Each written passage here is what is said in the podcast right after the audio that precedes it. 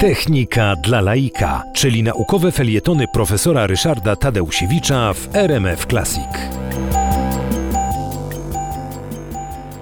Elementem naszych świąt jest e, między innymi opłatek.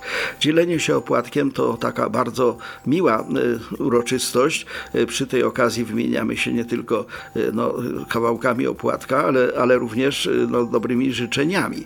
Natomiast tradycja opłatka wcale nie jest taka bardzo długa, dlatego że pierwsze opowieści o opłatkach wigilijnych pojawiły się dopiero w XVIII wieku. Wcześniej chrześcijanie czasami łamali się chlebem, ale nie było to przy okazji Bożego Narodzenia, tylko po prostu przy spotkaniach w kościołach e, dokonywano właśnie takich e, no, przełamań chlebem. Nazywało się to eulologia i e, to po prostu było taki, taki rodzaj wspólnoty, że zbieramy się na mszy i wobec tego dzielimy się tym chlebem. Opłatek, nazwa opłatek pochodzi od łacińskiego oblatum, czyli dar ofiarny.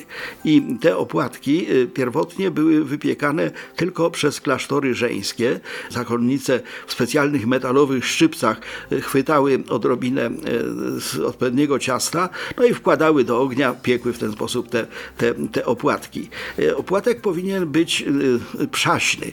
Przaśny to znaczy nie kwaszony i nie solony, to jest tylko woda i mąka.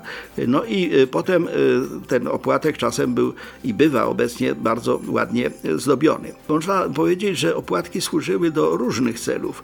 W XIX wieku modne było tak zwane używanie światów, w cudzysłowie światów, bo to były specjalne ozdoby wycinane z opłatków, podwieszane u stropu takiego mieszkania. Opłatek y, był wykorzystywany nie tylko do tego, żeby łamali się nim ludzie, ale dawano też zwierzętom. Podobno miało to przywracać im y, zdrowie. Wrzucanie kawałka opłatka do studni miało oczyszczać wodę.